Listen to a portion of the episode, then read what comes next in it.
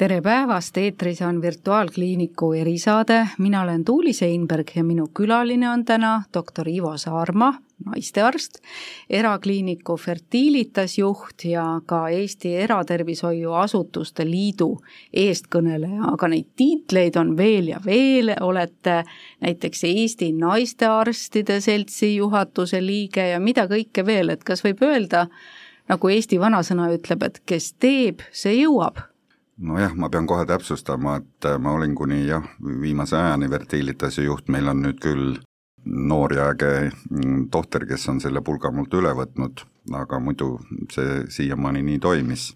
ja ka Eraõiguslike Tervishoiuasutuste Liidus on praegu uus juhatuse esimees, aga jah, ma olin ka seal pikalt äh, eestkõneleja.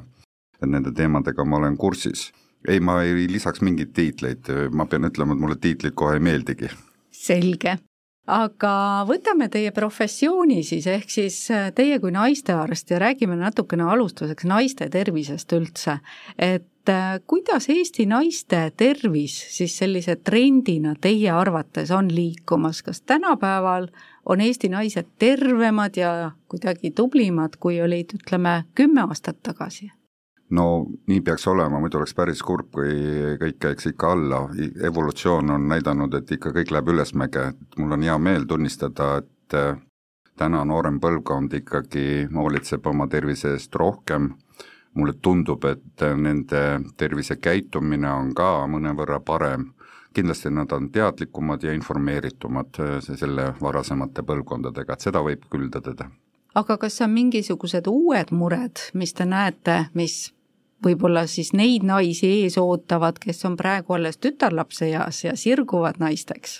ja on küll, et äh, peab tunnistama seda, et äh, see on, ei ole mitte ainult meil, vaid igal pool arenenud ühiskondades üks ja sama probleem.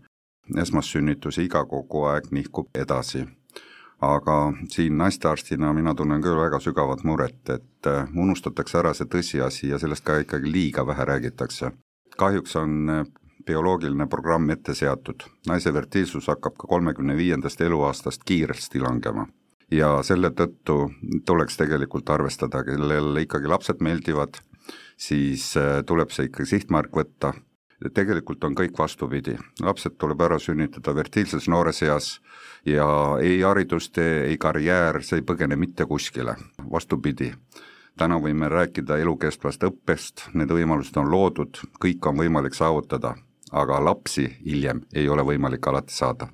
aga ometi teie kliiniku nimi on ju Fertilitas?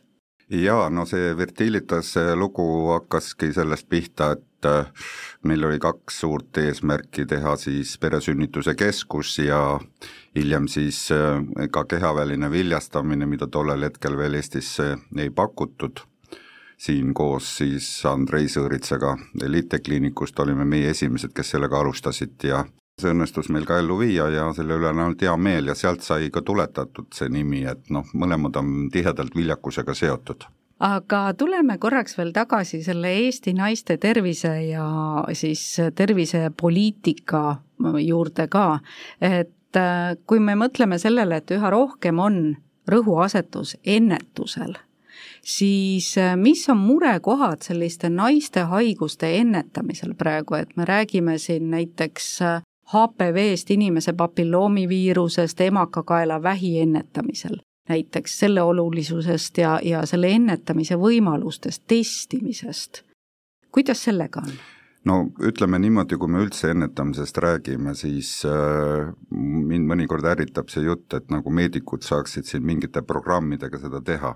ennetamine hakkab tegelikult juba sünnimomendist sellest alates peale, tõsi, väga palju siis, äh, kui inimene ei ole veel täiskasvanuks saanud, oleneb vanematest, millised harjumused seal on, mida laps siis kõrvalt õpib mida talle pakutakse, aga tegelikult on äh, oluline, et inimene hakkaks tervise eest juba hoolt kandma kohe. see tähendab palju asju, liikumine, toitumine ja nii edasi ja nii edasi. ja hiljem siis on sellised programmid, milles alati tasub osaleda ja vaktsineerimine on kindlasti üks osa sellest, millega saab väga palju tõsiseid haigusi ära hoida. ja peab ütlema, et äh, sellest ajast peale, kui vaktsineerimine tuli, on väga palju haigusi suudetud ära hoida.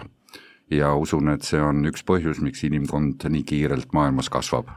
ja APV viirus on huvitav teema selle tõttu, et siin murrang ju teaduses tuli mitte väga kaua aega tagasi. et oli ju ka meile uskumatu tõdemus, et emakakaelavähk on puhtalt viirushaigus. väljaspool seda HPV viirust sisuliselt emakakaelavähki nähakse haruharva ja sellega seoses on siis ka kogu paradigma muutunud ja suur ime eh, sündis ka siis, kui välja töötati siis selle viiruse vastane vaktsiin.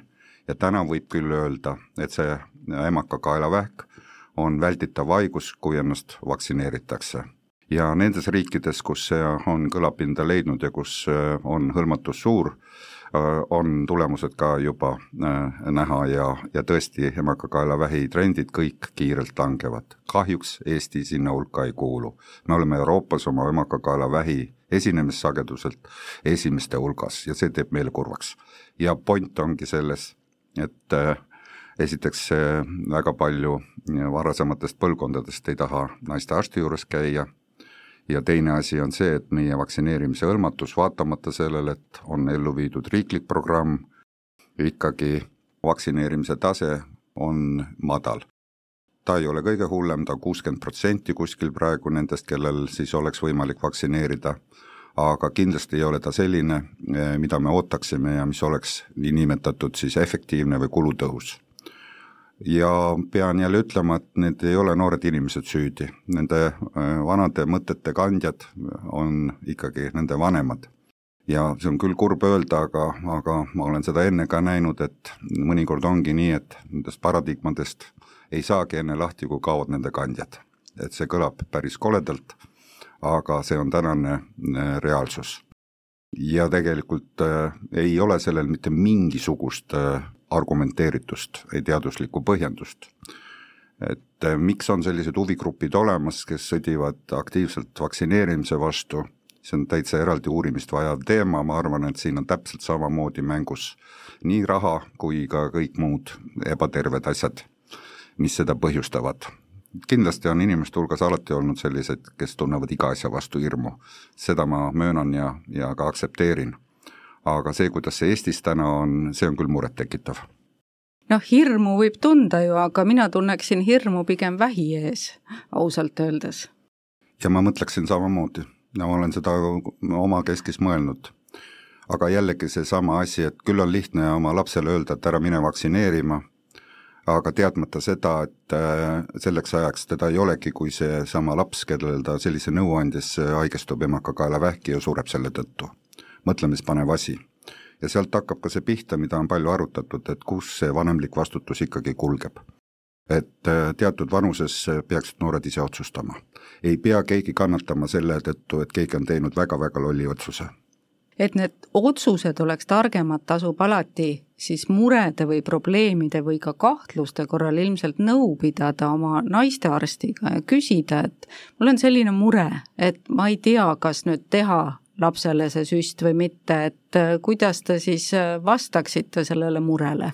või et äh, ma arvan, et sealt saab ikkagi sellise pädeva ja ammendava vastuse, et seda küsimist küll ei tasuks karta. absoluutselt õige, et noh, kui on kahtlused, kuskilt ollakse kuulnud mingi negatiivne lugu, kahjuks ongi nii, et kui mingi negatiivne lugu ilmub, siis see on kõigile loetav, need tuhanded edulood, nendest ei räägi keegi ja arst ongi selleks koolitatud, et siis otsida seda tera sealt sõkaldest. ja, ja tasub siis alati tulla, nõu küsida, mõelda selle üle, et tegemist on tõsise otsusega, ei ole vaja siin uisapäisa käituda, seda enam, et see puudutab tema enda lapse tervist. minul endal ausalt öelda kümneaastase praktika jooksul, mis vaktsineerimine on olnud suhteliselt käepärane, ei ole küll mitte ühtegi näidet tuua et kellelgi oleks emakakaelavähi vaktsineerimisega mingi tüsistus olnud. ja ei ole seda ma väga ka kirjandusest leidnud. Emakakaelavähist veel rääkides, et meil on äh, siis äh, testimine, meil on vaktsineerimine ja meil on ka sõeluuringud ja ka nendes osalemine on madal.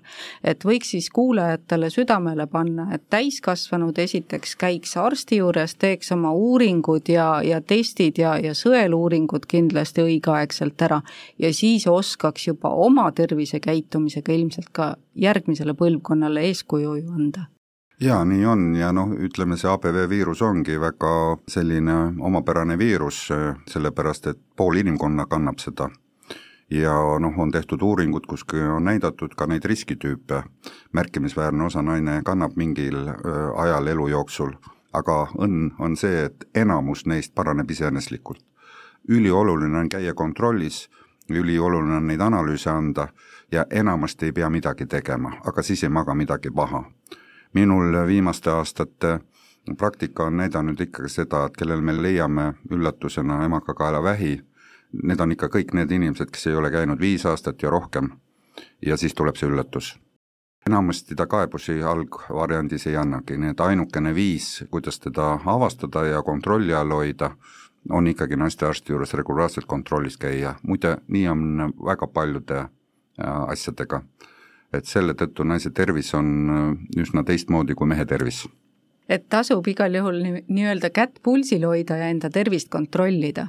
jaa, loomulikult, point ongi selles, et noh, jällegi võin öelda, et praktiliselt kolmandik haigustest, mida ma diagnoosin naistel, on puhtalt äh, ilma igasuguse kaebuseta, avastatud täiesti juhuslikel kontrollidel. Ja kõik, kes on regulaarselt käivad, aasta on küll see kriteerium, kus midagi maha ei maga, alati suudame aidata. Ja me saame alati vahele sekkuda, mis tähendab seda, et eh, kui tahad enesekindel olla, et sinuga on kõik korras, siis eh, tuleks korra aastas ikkagi käia. Aga mis need levinumad probleemid on lisaks sellele samale HPV-le ja emakakaelavähile? No see nüüd eh, hakkab kõik oma vanusega seotult, igas vanuseperioodis on erinevad probleemid et mida noorem naine, seda enam tuleb tähelepanu pöörata seda, et ei oleks tal midagi, mis tema fertiilsust ründaks ja hiljem teeks lapse sünnitamise võimatuks. noortel muidugi seoses tänase pingetega väga palju esineb tsüklihäireid ja sedalaadseid probleeme, ka nende puhul on oluline ikkagi suhteliselt varakult see kaardistada ja vahele sekkuda, kui see on vajalik, hiljem on neid palju raskem ravida. nüüd vanemas eas, üleminekuperioodis, on loomulikult naisel tuleb vaadata ka siin, kas ta vajab hormoonasendusravi näiteks, tänane on väga kindel seisukoht, et äh, nendel naistel, kellel on väljendunud üleminekuperiood suurte kaebustega, igal juhul varakult hormoonraviga alustada, mitte vastupidi. aga noh, hormoon on eestlaste hulgas, see on nagu tõesti, räägiks nagu ma ei tea, väga halvast asjast. et see ei lähe kohe kuidagi ja tõesti, mõnikord tuleb tund aega seletada, et see nii ei ole et nii jällegi need paradigmad, mis on juurdunud paarkümmend aastat tagasi, need on ikka väga visad kaduma. Tahan öelda, et me oleme ammu koopast välja tulnud ja meditsiin on ka hoopis teisel tasemel, kui see kakskümmend aastat tagasi oli sõna hormoon tõi teise paralleeli kohe meelde, see on sõna keemia. et äh, teine kardetud sõna, samas kui mõelda, et hormoonid on meie loomulik osa ja keemia on kõik, mis meie sees ja meie ümber on, et ümber mõtestada kogu see paradigma, et siis annab hoopis tervislikuma lähenemise. Jälle väga selline tüüpiline, aga mehaaniline mõtlemine et tänane farmakoloogiatööstus toodab täpselt neid hormoone, mida organism ise toodab. ei ole mingit vahet ja me anname juurde täpselt nii palju, mis puudus on. kogu inimene sõltub hormoonidest, kogu ainevahetus on sellega seotud ja tulebki alati õigel ajal vahele sekkuda. Mõnikord tuleb pidurdada ületootmist hormoonidel, aga mõnikord tuleb neid juurde anda, et siin tasub arsti usaldada ja keegi niisama midagi ei kirjuta, vaid ikka kirjutab kasu pärast. Ja kui hakata siin oma käe peal asju ajama, et oh, ma võtan neid tervislikke asju ja niimoodi, siis eh, sellega jääb enamasti ikkagi see efekt saavutamata. Nüüd naiste tervisega seonduv üks asi on veel meeste tervis tegelikult ka, sest et mingil ajaperioodil mehed ja naised ikkagi saavad nii lähedamalt kokku. Aga nüüd selle HPV teema juurde korraks tagasi põigaldes, on see, et äh, tütarlapsed siis saavad seda süsti praegu, et ennetada emakakaelavähki, poistel on see arutlusel praegu veel Eestis, et mis on teie seisukoht siin? No erialaseltsid, kes sellega kokku puutuvad, on kõik ammu teinud äh, märgukirja ja teinud ettepaneku, et võiks äh, kõik seda sihtgruppi, keda siis vaktsineeritakse praegu riikliku programmi alusel, et need võiksid olla nii mehed kui naised. ilmselt on asi selles, et meestel ikkagi HPV-ga seotud vähi esinemissagedus on oluliselt väiksem. aga ei saa öelda, et äh, seda ei ole. ja võiks vaktsineerida küll, see annaks meestele ka kindlustunnet juurde aga kui me räägime meeste tervisest Eestis tervikuna, siis siin on muidugi naistega võrreldes suur vahe sees, et kui keegi siin Eestis nõrgem pool on, siis need on mehed. oli kümme aastat, oli see elu ja elulemuse vahe, aga praegu on see natuke vähenenud, on kuskil kaheksa aastat. aga siin on muidugi, see on palju laiem teema, mis siin salata, see on ka mõnes mõttes meeste enda süü ja üks põhjus jällegi, kui naised ikkagi käivad, enamus käib regulaarselt tervisekontrollis, siis meestega on siin ikka probleem täiesti kuubis. ehk mehed lähevad arsti juurde siis, kui naine käsib? jaa, no siis, kui ikka niimoodi on, mõni ei lähe siis ka arsti juurde, kui igalt poolt valutab ja vaevu-vaevu liigub, et noh, kui surema hakkab, siis tuleb arsti juurde no loodame, et see siiski muutub ja muutub enne, kui siis nii-öelda visa põlvkond välja sureb ja põlvkond vahetub. ja no ma ka loodan seda, et noh, tänane tervisekasvatus ikkagi koolides on võrreldes sellega, mis oli minu ajal, noh, see ei ole võrreldav, ehkki ma arvan, et ka siin on palju veel eh, tööd ees vaja teha, et veel paremaks saada. ja nagu ma ütlesin, et ega siis eh, koolis tuleb üks osa inimesele väga palju jah, on vaja, et tuleksid uued põlvkonnad, uued põlvkonnad lapsi ja see juba uus põlvkond oma lastele annab juba paremad teadmised ja paremad hoiakud edasi. nii ma usun ja ma usun ka, et nii läheb nüüd sellest uue põlvkonna juurest ongi hea minna tagasi siis sündimuse juurde ja Eesti iibeprobleemide juurde, et siin Statistikaameti hiljutine ülevaade tõi välja, et kaks tuhat kakskümmend kaks ehk siis pärast seda koroonakriisi lõppu oli rekordmadal sündivus, et siin toodi erinevad need mõjurid välja, et küll siis koroonakriis, ebakindlus, sõja algus, noh, kõik on väga mõistetav tegelikult, et kõik paneb kahtlema ja edasi lükkama sellist olulist otsust. aga mis teie vaates on, et mis on selle probleemi juured ja kuidas seda võiks siis lahendada, seda on ju püütud lahendada küll vanemahüvitiste ja igasuguste selliste turgutavate meetmetega, aga ei midagi. äärmiselt keeruline teema ja komplitseeritud ja tõesti miljonit väärt küsimus, kui keegi suudaks väga täpselt anda programmi. riigijuhid seda ootaksid muidugi. Ei oska keegi väga täpselt seda määratleda, ta on nii mitmetahuline, et äh, meditsiinil on siin ainult üks osa ja ma usun, et see on pigem väiksem osa. aga hakkame jah sellest pihta, et sündivus tõesti üheksakümnendate teisel poolel kiirelt langes, jõudes madalseisu ja nüüd me tasapisi hakkame seda kõike noppima, aga kindlasti ei ole see ainuke põhjus rääkisin ka sellest, et naise sünnitusiga kogu aeg nihkub edasi. see on ka oluline, kui räägida meditsiinilistest põhjustes. See paneb kohe piirid ette, kui ta tulebki pärast kolmekümmet viit aastat sünnitama, siis äh, see piirdub enamasti ühe lapsega, siis ta mõtleks, et tahaks nagu neljakümne aastaselt ka veel teise sünnitada, ongi takistus ees. ja see on juba bioloogiliselt nii seatud, me näeme täna ka, on sama nagu meeste viljakusega, mõnes mõttes me näeme ka varast äh, munasarjade puudulikkust, ka see probleem nagu nooreneb ka naiste hulgas, et kiiremalt äh, lõpetavad munasarjad oma toimimise ära. Ei oska neid põhjusi alati öelda, jällegi selline küsimus, mis aasitakse, mõeldakse, ilmselt jällegi väga paljude faktoritega seotud meditsiini poole pealt vaadatuna võib-olla need olulisemad asjad, mida võib-olla tasuks kohe mainida aga vastab tõele, et mängib rolli kogu see hoiak. Eestis ei ole ematusele üldse hea hoiak. see on ilmselgelt alahinnatud. Minu jaoks on naine, kes sünnitab neli ja viis last ja kui ta suudab nad üles kasvatada ja korralikud ühiskonna inimesed, siis see on kindlasti väärt kõrgharidust, millest ta võib-olla omal ajal loobus. ja nii tulebki seda asja esitleda ja nagu ma ütlesin, et just nimelt lapsed tuleb noores eas ära sünnitada, hiljem on aega haridusteed ja kõike jätkata, täna on kõik need võimalused loodud, mitte vastupidi. ei ole mõtet äh, varases nooruses trügida võimukatele kohtadele, vaid kui ikkagi plaani on peret luua ja siis tegeleda ja tähelepanu sinna suunata ja siis hiljem kõik muu ka tasa teha. ma ei ole absoluutselt seda meelt, et naine peaks kodu jääma, panne kolistama. ei, naisel on järjestus teine, kui on mehel ja tegelikult äh, nii peakski seda asja serveerima kogu ühiskonnale, et see on üks valus probleem, mis meid kollitab ja minu jaoks see ka kogu aeg süveneb. Ja ega see ei ole ainult meil niimoodi, see on Euroopas samamoodi ja see on üks põhjus, miks äh, ongi niimoodi keskmine pere üks-kaks last, ehkki võiks olla suurem. majandusolukord ei saa eitada, kindlasti mängib rolli. kui suurt rolli ta mängib, väga raske öelda, ilmselt vajab eraldi uurimist, võib-olla selliseid uuringuid on ka tehtud.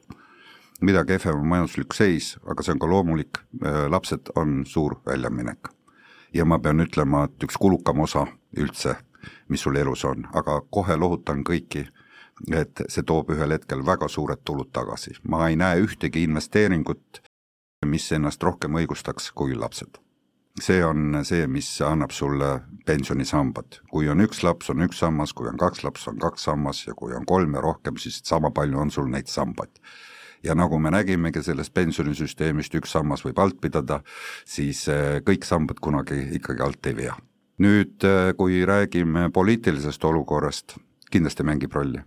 et noh, täna on segane aeg ja ma absoluutselt jagan seda seisukohta et kõik on ikkagi ärevuses, isegi kui sa seda ise ei tunnista, siis see alateadvuses on olemas, see, mis me iga päev ikka kuuleme ja näeme, see paneb äh, mõtlema ja, ja kõik, kes äh, on selles vanuses, et võiks nagu peret äh, juurde muretseda, ikkagi arvavad seda, et järsku ootaksime paremaid aegu, minu arust väga inimlik ja see on kogu aeg nii ka olnud. Jah, aga samas ütles juba luuletaja, et ei ole paremaid, halvemaid aegu, on ainult hetk, milles elame praegu.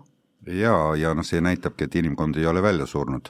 et äh, isegi kui olid kõige raskemad ajad, siis ikkagi inimsugu on jätkunud, aga tegelikult kui arvude numbrisse vaadata, siis me näeme ka, et siis ikkagi sündimus on alati langenud. et äh, see vastab tõele, muidugi sõdadega on see asi, et see kõvasti kahandab meeste arvu ja osalt on see ka sellega seotud, aga ma usun ka, et naiste valmisolek emaks saada on ka ikkagi paljuski sellega seotud. naine tahab kindlustunnet saada ja ongi õigustatud ja see ongi bioloogiliselt sisse kodeeritud. ja see ongi vajalik selleks, et uus põlvkond sünniks parem.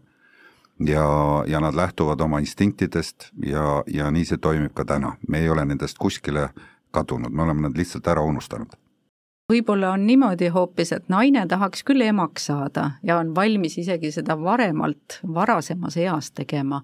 aga kuidas on lugu nende samade noorte meestega, sest enamasti on ju naine-mees paari suhtes ikkagi enam-vähem eakaaslased meie siin Põhjamaades. et noored mehed vist ei ole tegelikult nii väga valmis veel isaks saama. peab tunnistama, et äh, teil on paljuski õigus, see on päris kurb lugu mul on vastuvõtul palju naisi ja kui ma talle räägingi, et noh, võiks nagu sünnitada või ilus aeg sünnitamiseks, siis äh, tuuaksegi põhjuseks, aga kus see isa on. ja mul on kohe suu lukus. et äh, väga paljud mehed on küll valmis, ei ole üldse teema selles, et, äh, et nad ei tahaks olla abiks äh, lapse saamisel, aga vähe, väga vähe on, kes tahaksid olla hea isa. ja sealt hakkab tõsine teema pihta jällegi ma arvan, et siin on kasvatuslikult jällegi palju võimalik mõjutada. nii perest, koolist, väga palju on inimene ikkagi kinni oma lapsepõlvest ja ma pean ütlema, et väiksed pered toodavad väikseid peresid. et mina ise olen pärit viielapselisest perest ja algusest peale olen ma seda meelt, et lapsi võiks olla võimalikult palju aga kuidas te siis lohutate neid naisi, kes tulevad sinna ja ütlevad, et noh, et aga kus on isa? No me räägime, ega seda ei olegi võimalik ju, arst saab ainult nõu anda mm., mina ikkagi olen meedik ja räägin rohkem ikkagi neid meditsiinilisi aspekte. aga ma usun, et äh, ikkagi seda on vaja rääkida, et inimene teab oma plaane teha ja oma ressursse, terviseressursse.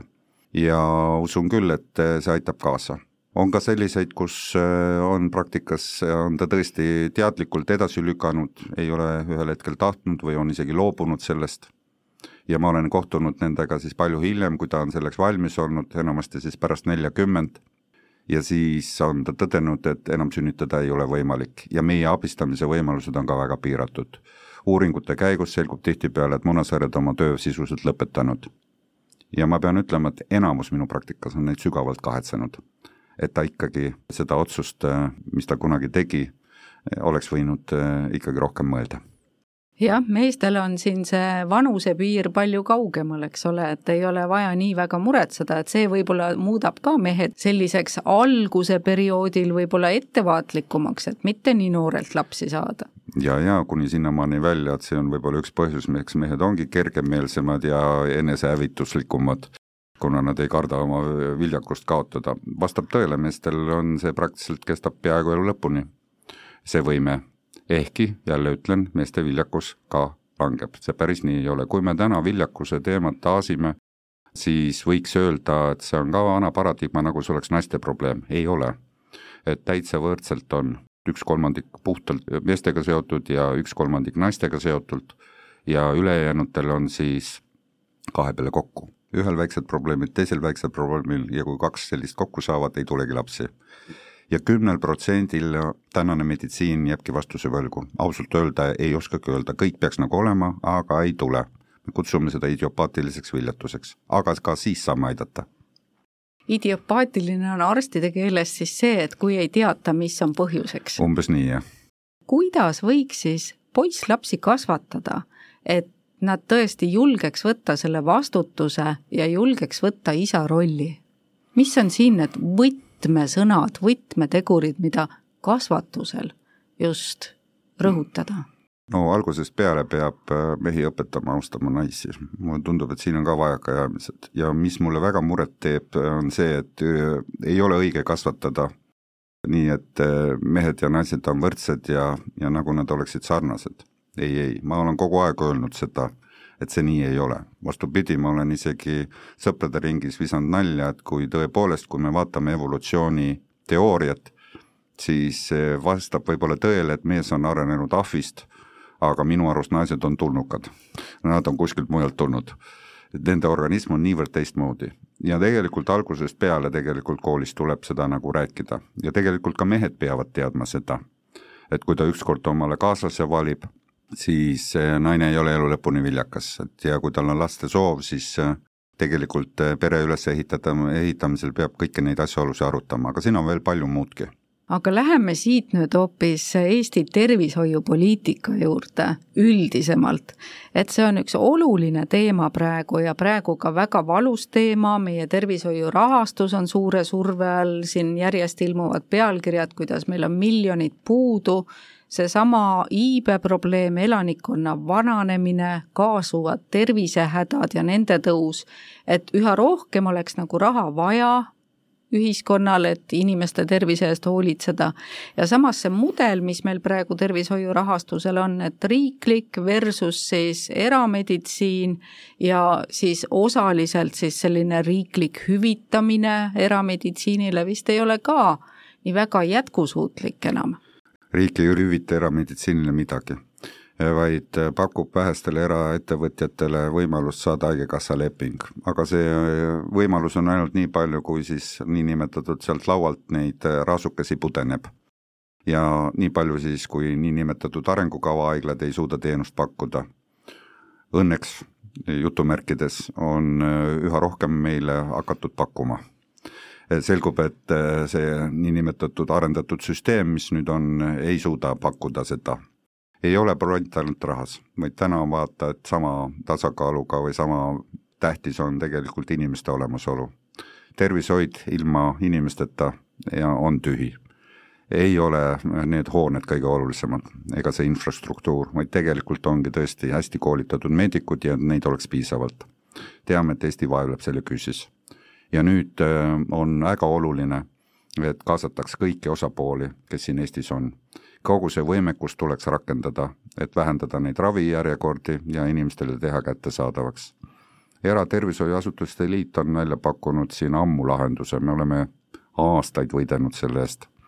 ja minu jaoks on see äh, probleemi lahendus, et ravikindlustusraha käiks äh, inimesega kaasas olenemata sellest, millise raviasutuse ta valib, olgu ta siis arengukava haigla või erahaigla, oluline on see, et tal oleks tegevusluba ja ta vastaks äh, oma töö kvaliteedilt standarditele, mis riik on kehtestanud.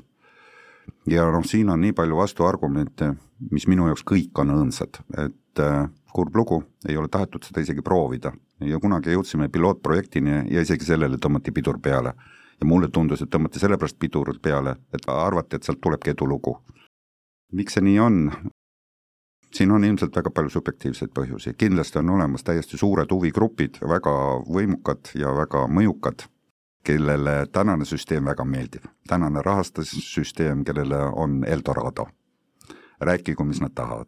ma arvan, et kui vabastada see sellisel viisil, siis tegelikult Eesti Haigekassa muutubki kindlustusorganisatsiooniks nüüd põhiline argument, millega siis vastu nagu lausutakse, et, et, et see riivab solidaarsust, tegelikult ei riiva.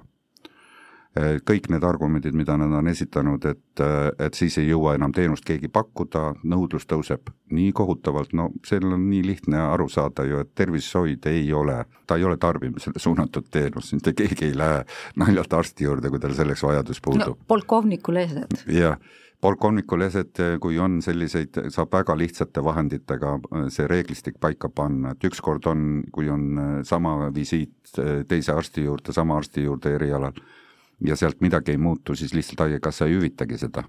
ja nii edasi, nii edasi, nii et see ei ole üldse teema, aga üks on selge, et mingit tarbimise tõusu ta ei tõusta.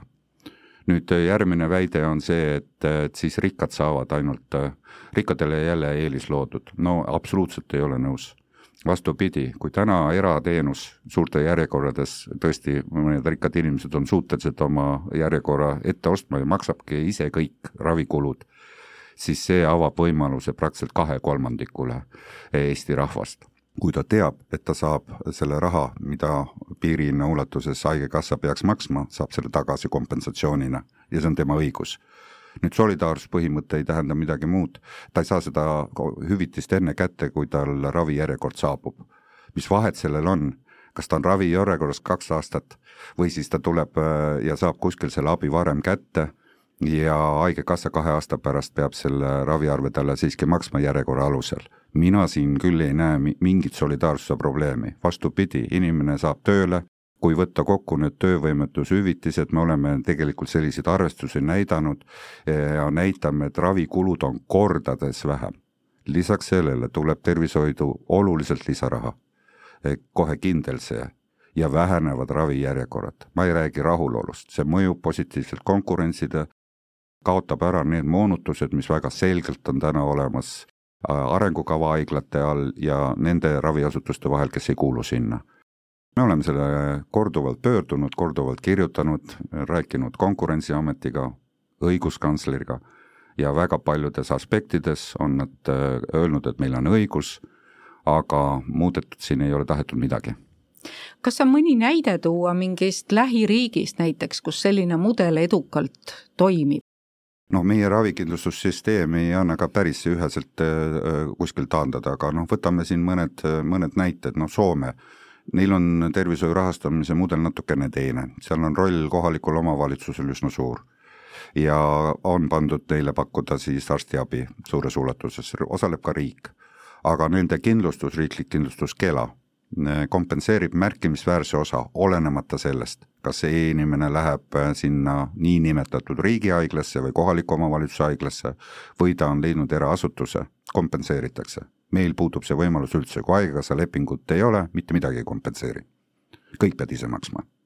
Ja noh, siin on väide, et nagu era riisuks äh, kirsid tordilt, no see on ka nii hale naljakas lugu ja naljajutt, et ei riisu mitte midagi, erale ei ole üldse võimalust pakutudki, kui minule oleks pakutud kunagi, et, et riik teeb sulle ülesandeks kakskümmend aastat pakkuda erakorralist abi nendel ja nendel tingimustel ja mul on lepinguga see kaetud, veelgi enam, ma saan kuskilt Eurotõukefondist veel sada miljonit abi sellise keskuse ehitamiseks, teate, ma oleks selle ära teinud. ja uskuge mind, neljatunnised järjekorrad kiirabis ei oleks aga kuidas siit võiks edasi minna, kuidas seda siis nüüd lahendada? no ma arvan, et tegelikult ravikindlustusseadus ja kogu see algus oli tegelikult edulugu et see jäi pidurdama, toppama kuskil ütleme aastaks kaks tuhat kaheksa, kui tuli suur kriis ja siis oluliselt ka piirati konkurentsi, eral oli enne ka palju suurem osatähtsus, ligi viisteist protsenti, pärast seda siis äh, sisuliselt hakati meid ikka täitsa harvendama. ja järgi ongi täna jäänud suhteliselt vähesed. nüüd pean kiiduks ütlema, et Eesti Haigekassa küll on oma suhtumist kõvasti muutunud. ei ole vist praegu õige öelda, ma väga vabandan, ei ole tegemist enam Haigekassaga, vaid Tervisekassaga. tervisekassa on oma suhtumist kõvasti muutnud. ja on näha et äh, ollakse valmis äh, tegema eradega koostööd. ma arvan, koroona aitas ka kaasa sellele. et koroona näitas väga selgelt, et seal, kus äh, suur süsteem ei suutnud nagu kohe ennast mobiliseerida, seal olime meie kohe valmis panustama ja väga paljud asjad said väga kiirelt kohe töösse pandud.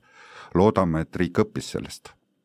ja ei ole eravaenlane, ei ole omandivorm üldse tähtis, vaid oluline on see, kuidas riik kokku lepib ja oluline on see, et kokkulepetest kinni peetakse.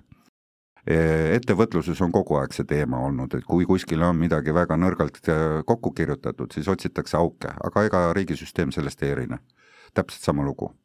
ega me ei saa täna ju rääkidagi seda, et meie oleme kasumit taotlevad ettevõtted, kuulge e, enamus on äriettevõtted, ka need arengukava haiglad on enamus äriettevõtted, täpselt samamoodi. ja kui me nüüd võrdleme ja vaadake nende kasumeid, siis siis need ületavad igasuguse mm, erasüsteemi tootlikkuse, aga ületavad sellepärast, et neil raha tuleb mitmest otsast, nad müüvad tasulisi teenusi, lisaks sellele, et nad saavad ka Haigekassa lepingud üks selline levinud müüt siin on ka see, et kuna tõepoolest, nagu te ka mainisite, et tervishoiutöötajaid napib, napib õdesid, napib arste, siis tihtipeale on niimoodi, et sama personal on nii eras kui ka siis riikliku süsteemi haiglas.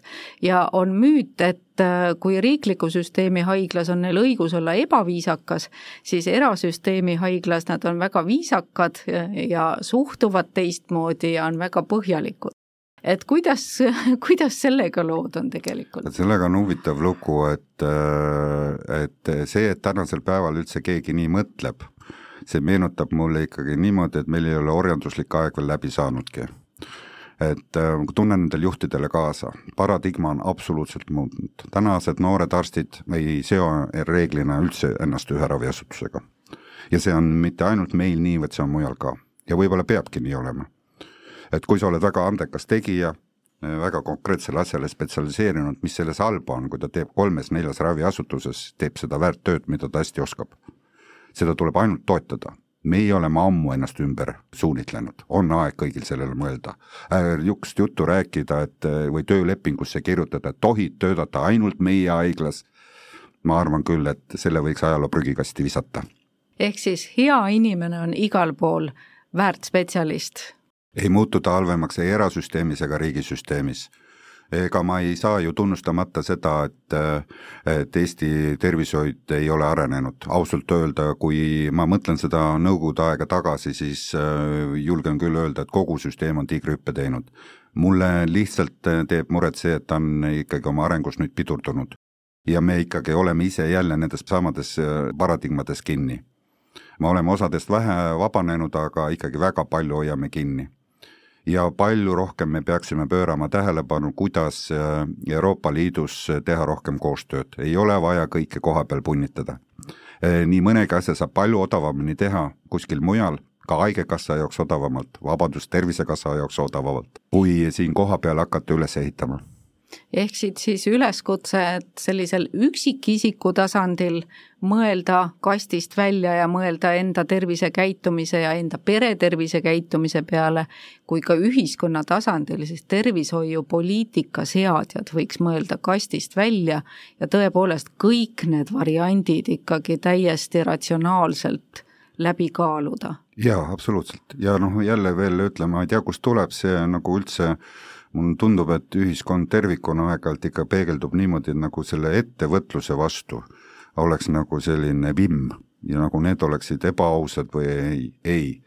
ikka kogu maailm ikka on näidanud seda, et just nimelt sealt sünnib rohkem uusi ideid ja see aitab kaasa.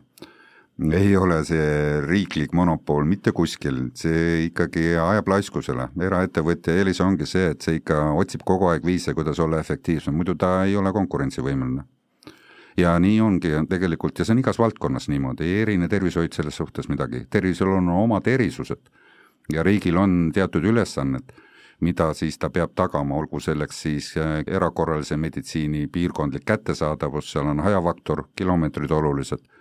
Ja see on selge ja siis teatud sellised äh, haruldaste haigustega seotud raviviisid, ka onkoloogia võib-olla, nii et noh, siin on palju selliseid asju, mis tuleb ära määratleda, see kõik on võimalik teha, aga suur osa tervishoiuteenusest võiksid olla pakkujad, kõik võiksid pakkuda, kes on kvalifikatsiooniga. Ja uskuge mind, inimesed saaksid paremat arstiabi ja kiiremini ja selline terve ja tervislik konkurents sünnitaks omakorda paremat innovatsiooni võib-olla, et kõik peaksid mõtlema, et kuidas siin nutikama tulla, kuidas inimesed kiiremini ja paremini terveks teha, eks ole? just, ja noh, see ütleme, konkurentsi teema on ka niimoodi, et see looks äh, ikkagi oluliselt äh, võrdsemad tingimused ja paneks kõiki rohkem pingutama tervikuna. nagu ütlesin, et ma nägin väga kiirelt arengut kaks tuhat kaheksa, pärast seda, kui era hakati tegelikult massiivselt piirama, ei arenenud minu jaoks enam ka riigisüsteem sama kiirelt edasi. Aga nüüd natukene ka Fertilitase kui kliiniku enda innovatsioonist, et äh, kliinik asutati ju tuhat üheksasada üheksakümmend kolm ja nagu ütlesite, et esialgu oli siis sünnitusabi, viljatusravi ja, ja naistekliinik seal aga aegade jooksul on see arenenud nii tohutult palju, praegu oli teil vist äh, kolm polikliinikut, üle kahekümne viie erineva eriala, sinna on jäänud veel mõned sellised vanad baasalad, samas näiteks sünnitusabi on teil nüüd kadunud. aga on juurde tulnud palju asju, et kuidas teil läheb? Läheb päris äh, normaalselt. Ja noh, meil on kogu aeg olnud see soov, et otsime seda uut ookeani et äh, usun, et see, kui sa oled jällegi, tegeled ettevõtlusega, see on eluküsimus, et väga paljud toredad asjad, kas tehakse järgi või siis tuleb seda lõpuks nii palju, et ei ole mõtet äh, nagu noh, e, jätkata, vaid otsida jälle, e, mida siis ikkagi vähem on, kus oleks äh, nõudlus suur, aga vähe pakutakse, see on nagu see, millega me kogu aeg peame oma pead vaevama ja haiglat on väga raske majandada ühe monoprofiilse tegevusega, meil sai üsna ruttu selgeks, et kui me alustasime günekoloogia sünnitusabi pakkumisega, et kui me tahame näiteks opiplokki pidada, et siis eh, selleks peab ikkagi palju rohkem erialasi olema. et oleme järk-järgult arenenud ja järk-järgult ka õppinud aga mis teil praegu torus on siis selline uus eh, põnev innovatsioon või eriala, kui see saladus pole? Noh, meil praegu kiirelt arenev eriala on ortopeedia, me loodame seda arendada veel, veel, veel kõvasti edasi. et täna juba tehakse üsna keerulisi lõikusi, sealhulgas ka proteesimised, põlve puusaliigese proteesimised. aga siin on veel arenguruumi küll. aga loomulikult vaatame kogu aeg, mis teadus pakub, et noh, tänane meie jaoks väga huvitav märksõna on personaalmeditsiin geneetika areneb väga kiirelt ja ma loodangi, et tulevikuvisioon ongi selline, et inimene saab äh, juba üsna noores eas teada, millest ta peaks hoiduma, inimesel oleks oma eluviise valides palju kergem siis seda ka teha. et mis tõesti, mida ta ei tohiks teha. ja vastab tõele, et ma arvan, et nii suitsetamine kui alkohol, kõik on äh, seotud mingil määral sellega, et üks on suurema soodumusega, teine vähema soodumusega ja neid haigusi juba täna on piisavalt palju, kus me isegi oskame nõu anda, aga väga palju on veel avastada väga põnev teekond on kindlasti ees. aga lõpetuseks teie soovitused patsientidele, inimestele, kes meid kuulasid, kuidas saada tervemaks, kuidas hoida oma tervist paremini? kõige olulisem on rõõmus meel. et kõige raskemas situatsioonis ei tasu meelt heita. et ma ütleks ühe Kreeka filosoofi sõnad, kõik läheb mööda kui on halvad ajad, tulevad paremad ajad. sellise mõtteviisiga olen ma kogu aeg elanud ja muide pean ütlema, et nii on ka läinud. ja teine asi on see, et usaldage arste, uskuge mind, me ei soovi teile halba, me tegelikult soovime ikka head. ma usun, et ei ole ühtegi arsti, kes on oma õppetöö lõpuni käinud, oleks patsiendivaenulik, me tegelikult tahame aidata, iga kord ei oska, aga ikkagi tahame aga teie soovitused tervishoiupoliitika seadjatele ja otsustajatele, kes meid täna ehk kuulasid? istume kokku, arutame ja otsime uusi viise. et kõige hullem on see, kohe öeldakse ära, et seda me küll ei tee, kuulamata isegi argumendid. tasub vaadata, mis varem on tehtud varasemaid mõtteid. ja ei tasu olla kinni jäigalt dogmades ja, ja arvates, et sellest äh, tuleks nagu midagi kasu. Ei ole vaja vaadata ainult ühte ega kahte-kolme riiki, mis meeldib.